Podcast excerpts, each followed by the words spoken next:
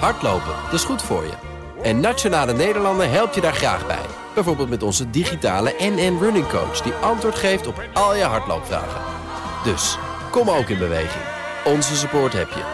Kijk op nn.nl slash hardlopen. The ladies not for turning.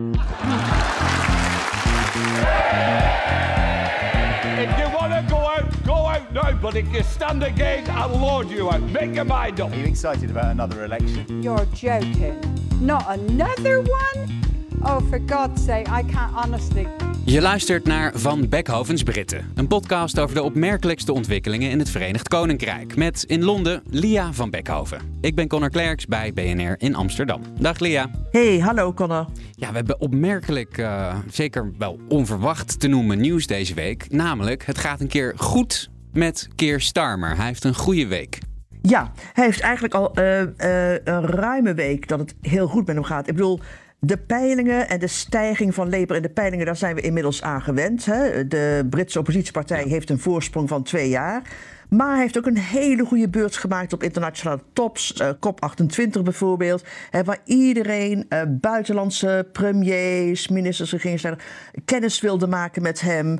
En dat bevestigt een beetje het idee, in ieder geval in de Britse pers, ja. dat in het buitenland ook Keir Starmer gezien wordt als volgende premier. Hij had vooral, en dat geldt voor de Britten, een hele goede PMQ's. Dat is, dat weet je, het vragenuurtje aan de premier, uh, Prime Minister's Question. Mm -hmm. Zal een, de kiezer een zorg zijn, O'Connor, uh, hoe hij dat doet. maar uh, het telt in, in Westminster, hè, waar politiek theater is. Um, en nergens is het meer theater dan tijdens dat vragenuurtje aan de premier um, in het parlement. Plus, um, hij had een eerste grote speech over wat Labour gaat doen met de Britse economie. Dat, dat is ook redelijk goed ontvangen. En, oh ja, en hij is geprofileerd in Esquire. Weet je wat, het hele ja. keurige, nette mannenblad. Een net, net mannenblad met mooie kleren. Ja, ja, ja, ja, absoluut. Ja. ja. die speech van hem, die, uh, die gaf hij uh, um, over zijn economische visie. Hè? Uh, wat, wat viel je daarin op? Mm. Niet veel nieuws, eerlijk gezegd. Ik bedoel, um, als je hoopte. Eigenlijk het pessimisme. Mm. Laat ik het zo zeggen. Kijk, als je hoopt op grootschalige, uh, radicale aanpak van, van de grote problemen in de Britse samenleving, vergeet het maar. Labour, uh, dat is wel duidelijk, gaat niet lenen om die, die, die rave randen af te schuren van de zorg, hè, van die hele sociale infrastructuur. Ja. Uitkeringen gaan laag blijven. Labour gaat alleen lenen om te investeren.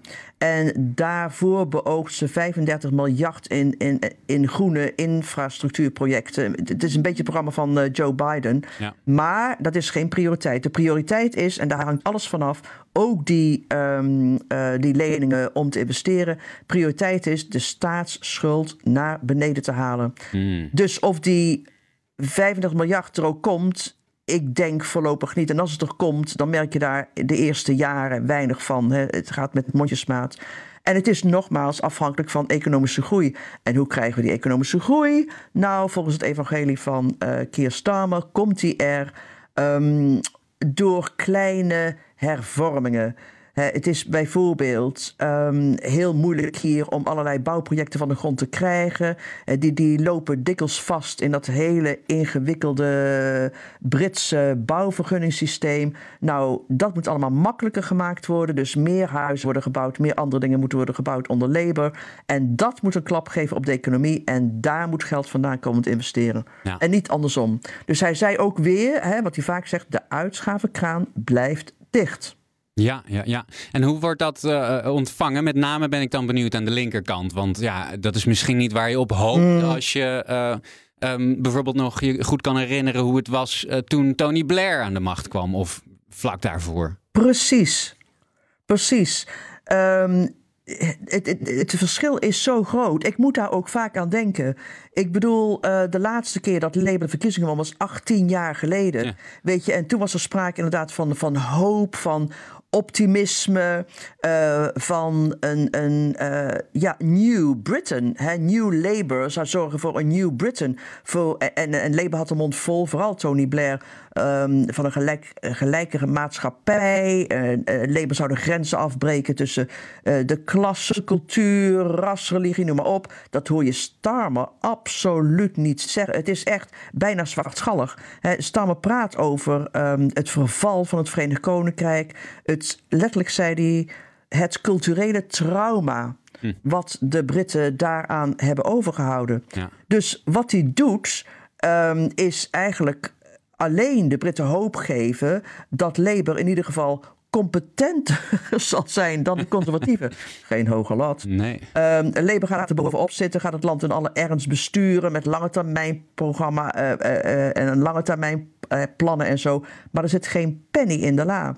Nee. En hoe dat valt bij links. Nou, ik, ik, ik las een interessant verhaal, vond ik, in de New Statesman. En die hadden het niet over New Labour, maar over Dark Labour. Hmm. En ik denk dat dat, dat dekt de lading wel. Het is, het is erg uh, somber allemaal. Ja, ze gaan hoe dan ook een donkere tijd tegemoet. Ja, en dan is ook de boodschap natuurlijk... Kijk, ga je hiermee met... Ik bedoel, ja, dat is de verwachting. Ga je hiermee met zo'n boodschap uh, de verkiezingen winnen? We hebben het ook al eerder over gehad, hè, dat wij niet denken dat Labour gaat winnen vanwege zijn boodschap, maar dat. Labour gaat winnen omdat de conservatieven verliezen. Ja, ja, ja.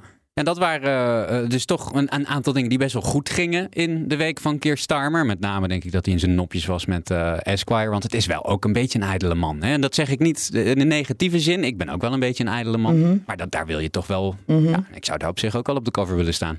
Ja, dat uh, inderdaad. Ik denk dat dat, dat, dat goed was. Ehm, voor zijn imago, zeker voordat hij, en de manier ook waarop die bekeken wordt in het buitenland. Hè? Mhm. Dus echt als een hele serieuze kan, kandidaat en een premier in wording. Ja. Maar weet je, en dan is het weer verknald. ja, ik dacht al. Je weet wat ik bedoel, hè? Ik, je weet ik, ik dacht, ik maak een bruggetje. Er is ook pers geweest voor Keir Starmer deze week die niet zo positief werd ontvangen. Precies. Precies, precies.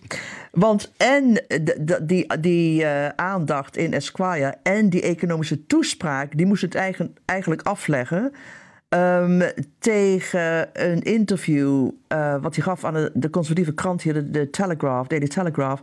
En daarin uh, uitte hij zijn respect voor ene Margaret Thatcher. Mm want Margaret Thatcher had een visie, zei hij, zei hij een, een, missie, een plan.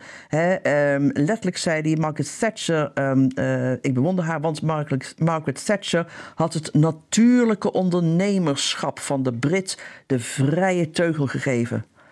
Auw, je voelt hem. Dat ja. doet ontzettend zeer dat heeft hij geweten. Ik bedoel, Thatcher is echt een haatfiguur bij, bij links. Um, nog steeds. Ja, ja, ik zag uh, heel veel, echt heel veel boze reacties. Uh, boze reacties uit Schotland Mm. ook. Maar ook in, uh, in Engeland en in Wales. En, en met name bij wat, ja, toch, toch wel de, de, de, de, de diehard Labour stemmers. Wat is het aan, Mm. aan die opmerking? Want ja, ik probeer het eventjes om te draaien. Hè. Stel, dat zou in Nederland gebeuren. Um, Stel je voor dat, uh, ik zeg maar wat, hè, Dylan Jezilgus iets aardigs zegt over Joop de Nuil. Ik denk niet dat dan mm -hmm. een enorme, uh, enorme bom barst. Dat daar de pers dan helemaal van vol staat. Waarom is zij zo'n heet hangijzer? Omdat ze inderdaad in tegenstelling tot Den Alto gezien wordt als een hele extreme, door sommigen, uh, partijleider en premier. En daarom denk ik, wat ik zei, echt een haatfiguur bij links. Mm -hmm. En daarom was de Labour-partij ook sprakeloos. Het is een beetje, je kunt het beter vergelijken als, uh, ja, er, er uh, wat zal ik zeggen, als um, uh, Timmermans bijvoorbeeld zou zeggen dat hij eigenlijk wel begrijpt en zelfs respect heeft voor waar Wilders vandaan komt. Ah ja, ja. dus toch wel echt een stuk extremer. Weet je, het, is meer, ja. het is meer in die richting, denk ik. En wat ik echt vond is dat ja, de partij was sprakeloos.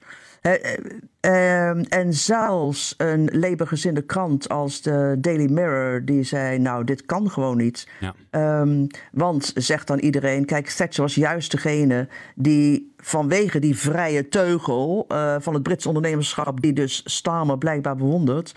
Eh, ervoor zorgde dat er een grote woningnood kwam, dakloosheid en eigenlijk alle kwalen waar de Britten nu mee zitten. Die worden allemaal nog steeds ehm, terecht of onterecht. ehm, maar zo ziet links dat eh, afgeschoven op Margaret Thatcher. Maar het was weer de bevestiging dat het de zoveelste aanwijzing is dat onder Starmer Labour helemaal naar rechts is opgeschoven. Ja.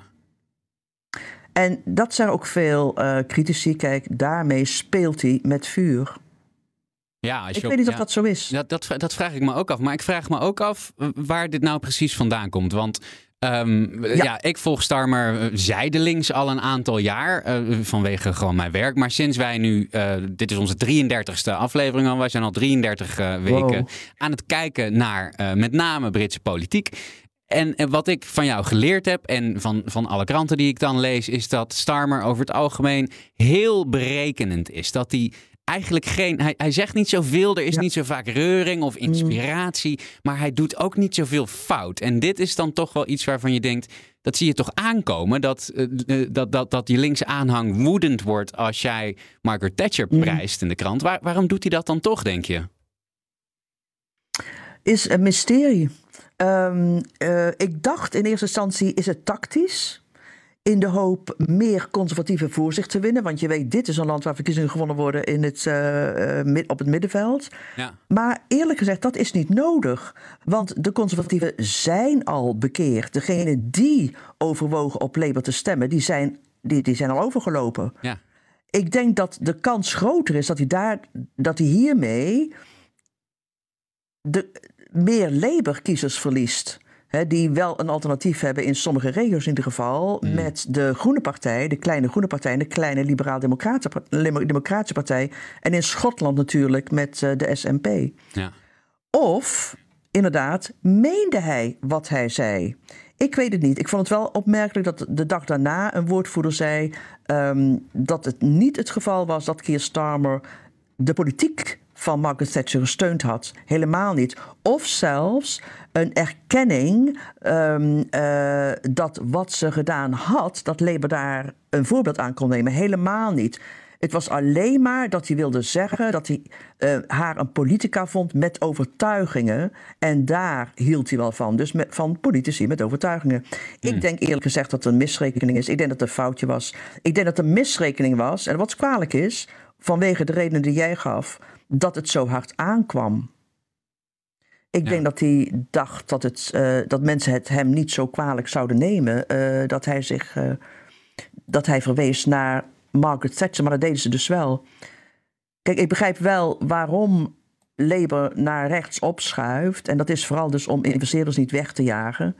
Sinds ehm, eh, Brexit mijden binnenlandse en buitenlandse investeerders het, het, het Verenigd Koninkrijk. Dus dat is de voorgeschiedenis, zal ik zeggen.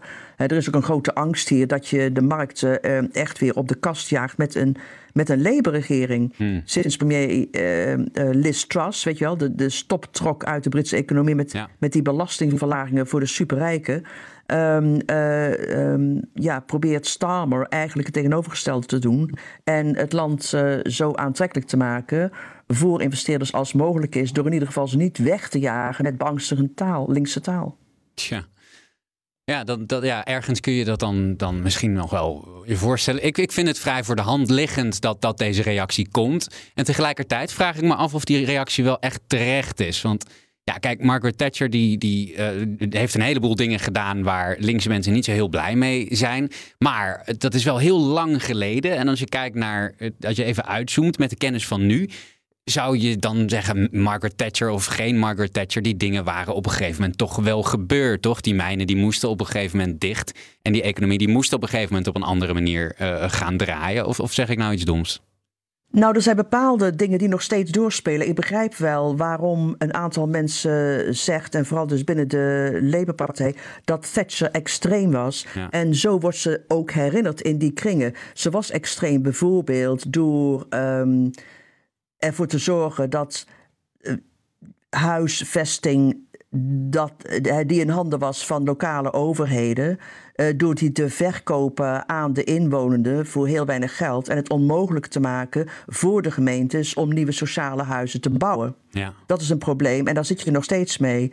Ehm, ook eh, niet geholpen door het feit dat de centrale regering het steeds moeilijker maakte voor lokale gemeentes om ook allerlei andere projecten op te starten, omdat er zo ontzettend bezuinigd is op um, wat zij krijgen op hun subsidies van de centrale overheid. Mm. En ik denk in tweede plaats is inderdaad haar soort van uh, kapitalisme.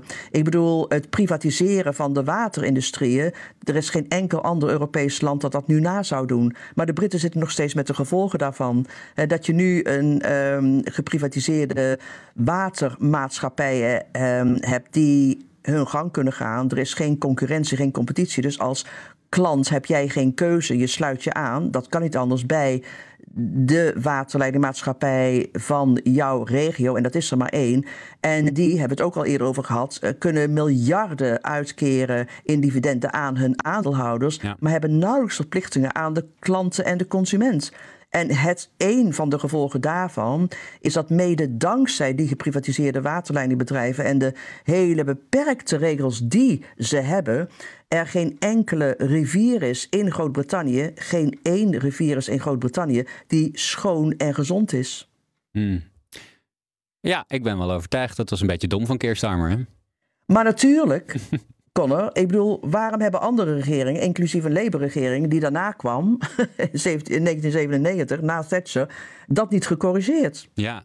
ja, dat is iets wat ik me wel afvraag. Die Want- ja. uitwassen, die extreme, Ja. precies, die, uit, die extreme, die uit was niet gecorrigeerd. En eh, zoals het er nu naar uitziet, gaat Keir Starmer dat ook niet doen. Nee, nee, nee, nee, nee. Dus eigenlijk is er nog steeds een, een vraag voor grote ideeën, maar die zijn er nog niet echt, hè?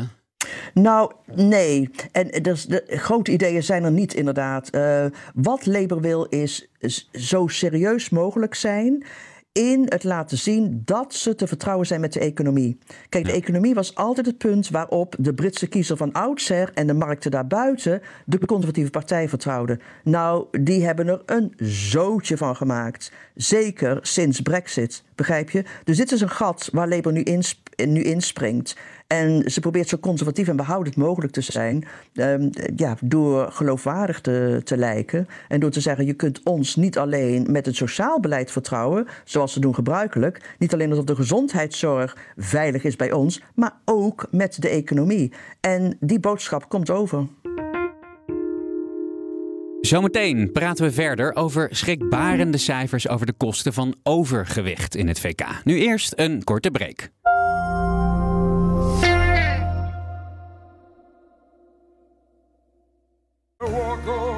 Hardlopen, dat is goed voor je.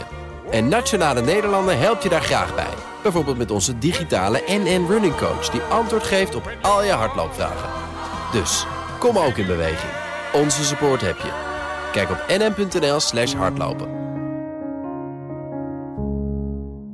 Business Booster. Hey ondernemer, KPN heeft nu Business Boosters. Deals die jouw bedrijf echt vooruit helpen. Zoals nu, zakelijk tv en internet, inclusief narrowcasting... de eerste 9 maanden voor maar 30 euro per maand. Beleef het EK samen met je klanten in de hoogste kwaliteit. Kijk op kpn.com slash businessbooster. Business Booster. Ongelofelijke cijfers van de Tony Blair Institute. Overgewicht kost de Britse economie bijna 100 miljard pond per jaar. 98 miljard om precies te zijn. En dat is 40 miljard meer per jaar dan het in 2020 kostte. Tweederde van de Britten heeft inmiddels overgewicht volgens de cijfers. Lia, dit is echt wel eh, behoorlijk heftig hè, als je dat zo op, op een rijtje ziet. Hoe kan dit? Ja, behoorlijk zwaar wilde ik zeggen. Inderdaad, overgewicht, zwaarlijvigheid, obesitas, wat we vroeger dik noemden. Ehm, eh, daar hebben de Britten enorm veel last van. Maar oké, dat weten we. Dit is een, een, probleem van eh, vooral min, armere mensen in, eh, in het Westen. Maar wat ik zo interessant vond aan inderdaad die ongelofelijke cijfers, was de gevolgen daarvan op de economie. Eh, de, de schatting van een ander onderzoeksinstituut tegelijkertijd was dat 350.000 mensen tussen de 50 en de 64 thuis zitten in het Verenigd Koninkrijk vanwege hun gewicht. Zo. Ehm, ja, we weten dat een half miljoen uh, Britten die kunnen werken, maar die werken niet omdat ze ziek thuis zijn, wachtend op een behandeling, wachtend op een afspraak. En ja, die wachtlijsten zijn zo lang dat het vreselijk lang duurt voordat je aan de beurt bent. Ja. En daarom uh, kunnen ze niet, uh, niet werken. Maar het grootste deel van die mensen die op de bank zit, die zit daar als gevolg van overgewicht. Hm. En daarnaast heb je nog eens 2,5 miljoen mensen van werkende leeftijd die een arbeidsongeschiktheidsuitkering hebben. Waarvan de meeste ook ziek zijn als gevolg van overgewicht. Dus ongelooflijk. Ja. Eh, We weten wat overgewicht betekent. Eh, niet kunnen werken, hoge bloeddruk, eh, gewicht, gewrichtsproblemen, hartkwalen, rugklachten, kankers, sommige diabetes, noem maar op. Nou, de Britten zijn kampioen hierin. En overgewicht, dat bedoel ik te zeggen met uh, economie.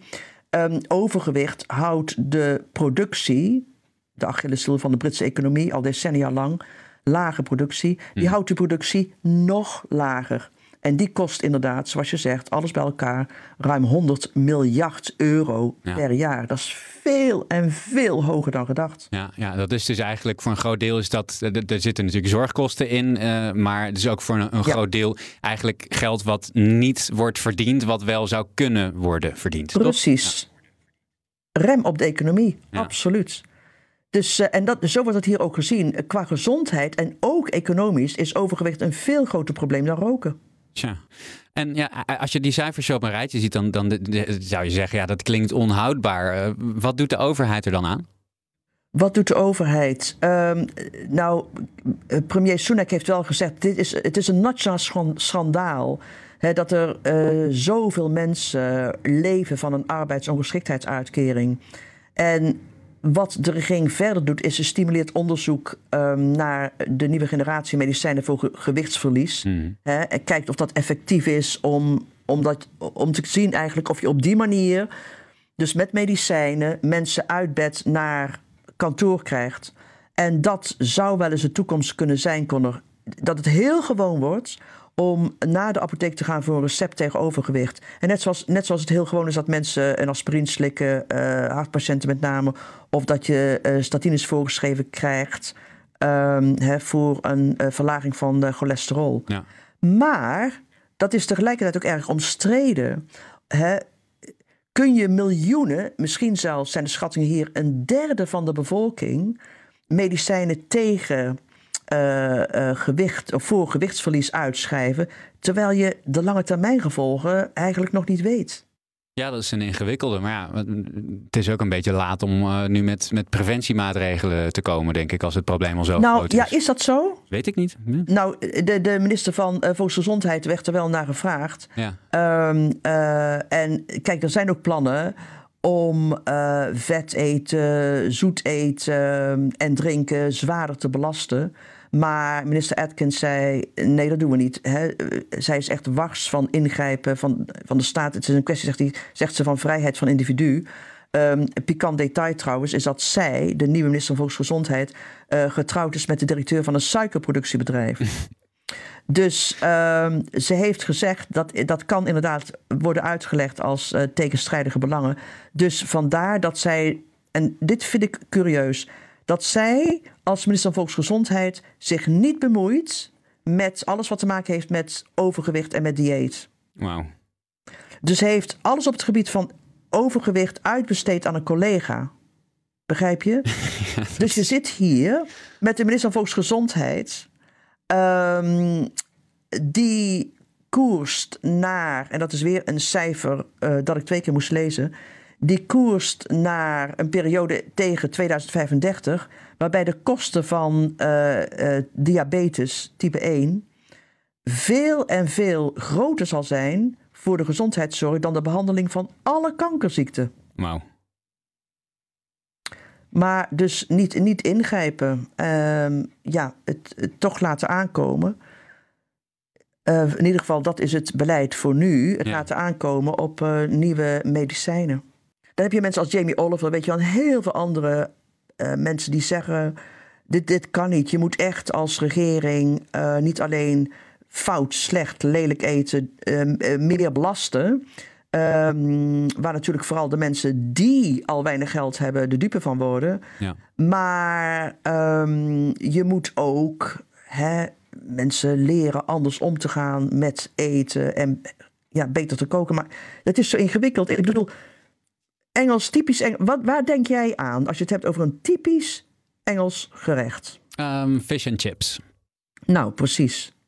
En ik herinner me nog, ehm, eh, ik kwam hier wonen in de tijd waarbij, waarin gezegd werd dat als je goed wou eten in Engeland, dan moest je drie keer per dag ontbijten. en dat was geen boterham met kaas. Nee. Weet je, dat was, nou, jij kent het typisch, de full English. Ja, ja, ja typisch Engels ontbijt. Mm, ja, in Schotland, in Schotland, weet je wat daar heel lang gold als delicatesse en misschien nog wel? Gaan we het hebben over gefrituurde marsbars? Ja, de frituurde marsstrepen. ik dacht altijd dat het een grap was. Ja, Het ik dacht ook dat dat een grap. mythe was. Echt niet, Connor, echt niet. Dus het Oh, komt jee. ergens vandaan. Ja. Het komt ergens vandaan. Eh, Voedselvereniging gewoon, kijk, is ook een verhaal van, van, van twee landen. Hè? Zoals met alles hier. In welvarende buurten, welvarende steden kun je echt fantastisch goed en gezond eten. En ook niet duurder, eh, vaak zelfs eh, als je uit gaat eten, zeker vind ik eh, goedkoper dan in Nederland. Ja. Maar in minder welvarende wijken is er niet eens een supermarkt die groente, verse groenten verkoopt. Moet je het echt hebben van de fast food, van inderdaad de fish and chips Ja. en de Ja. D's, McDonald's.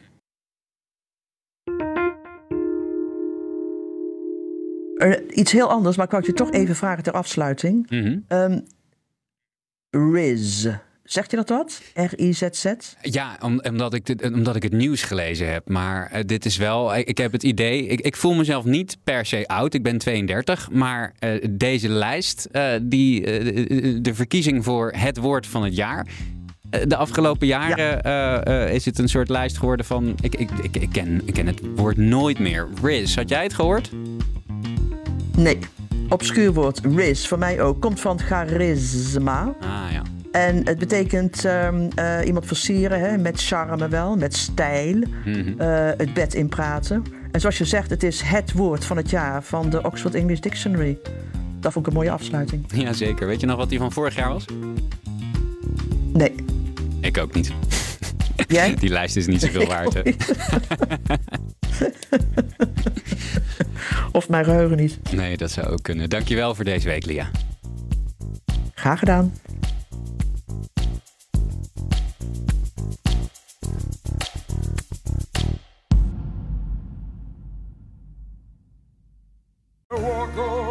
Hardlopen, dat is goed voor je.